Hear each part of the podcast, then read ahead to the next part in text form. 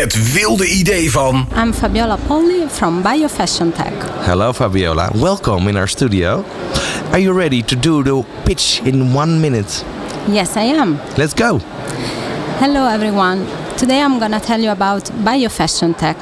Our cutting-edge green tech solution transform mixed textile waste into valuable bio-based raw materials, crafting a circular economy that reduces waste, conserves resources, and drives social impact. We harness a patent-pending biotechnology to create second-generation materials, including biopigments, vegan leather, and biofuel, alongside bio-based products like yoga mats. Collaborating with local business community biotech company, we democratize textile recycling and foster inventive design. By actively promoting sustainable practices and economic growth, we aspire to reshape the fashion sector into a regenerative force for a more environmental friendly and social responsible future. Wow, thank you. It's it's quite a technical story how it's, it's working. Uh, but what, what can you tell us more about this uh, solution? Yes, well, nowadays we are dealing with a big problem that is textile waste, especially of mixed uh, fabrics that are made from natural and synthetic uh, fibers. And those, uh, this type of waste now is very difficult to be recycled. We are offering a solution that has very low impact, that is able to separate, separate plastics fibers from the natural one, so we are able to recover them. And we are talking about recovering not only polyester but also nylon and elastin. And we are transforming natural fibers into something very valuable for our society that can be applied to create biofuel, biopigment, vegan leather. So all bio-based compounds that they can enter the circular economy. So okay. from waste to new raw material. Wow. So um, if, if you have, for example, a clothing, yeah, your uh, processing is it's it's um, uh, uh, put all the raw materials again to to uh, reuse it.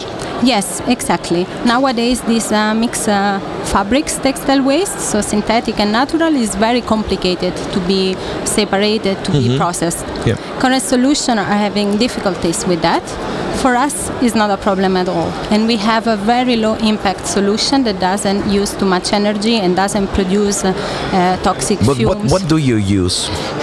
is uh, we use the power of biotechnology. So biotechnology is the science that is behind, for example, making wine or beer. Okay. So it's a process that we know from 100 years. So very, very. So without friendly. any chemicals. Absolutely, exactly. We are just using the power of nature to transforming uh, waste to value if you can say, um, how's your company at the moment? Is it is it pure startup?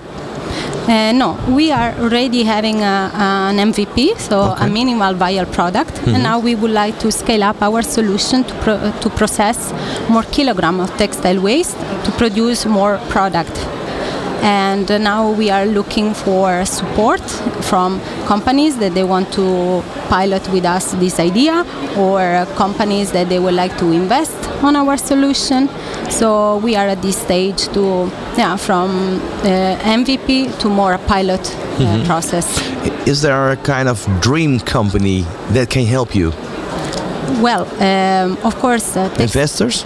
Investors, of course, but uh, even uh, textile recycler companies like we know the, several of them. I, am not mm-hmm. going to mention because otherwise mm-hmm. could be like promoting them. But those companies or even uh, fashion brands that they would like to start to introduce the recycling system in their supply chain or companies that would like to be unique, making those final products like vegan leather and so on. We could partner with them up. Yeah. And the way you're working uh, with bio fashion tech is, is, is that unique in the world? Are you the first one or?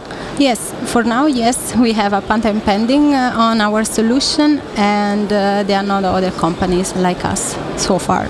okay, you're now here at the Impact Fest. What do you see today?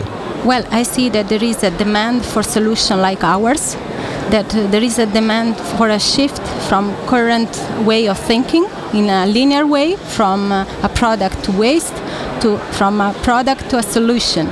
So now there is, uh, yeah, there are many people actually looking for uh, scouting for solution like mine and for collaboration.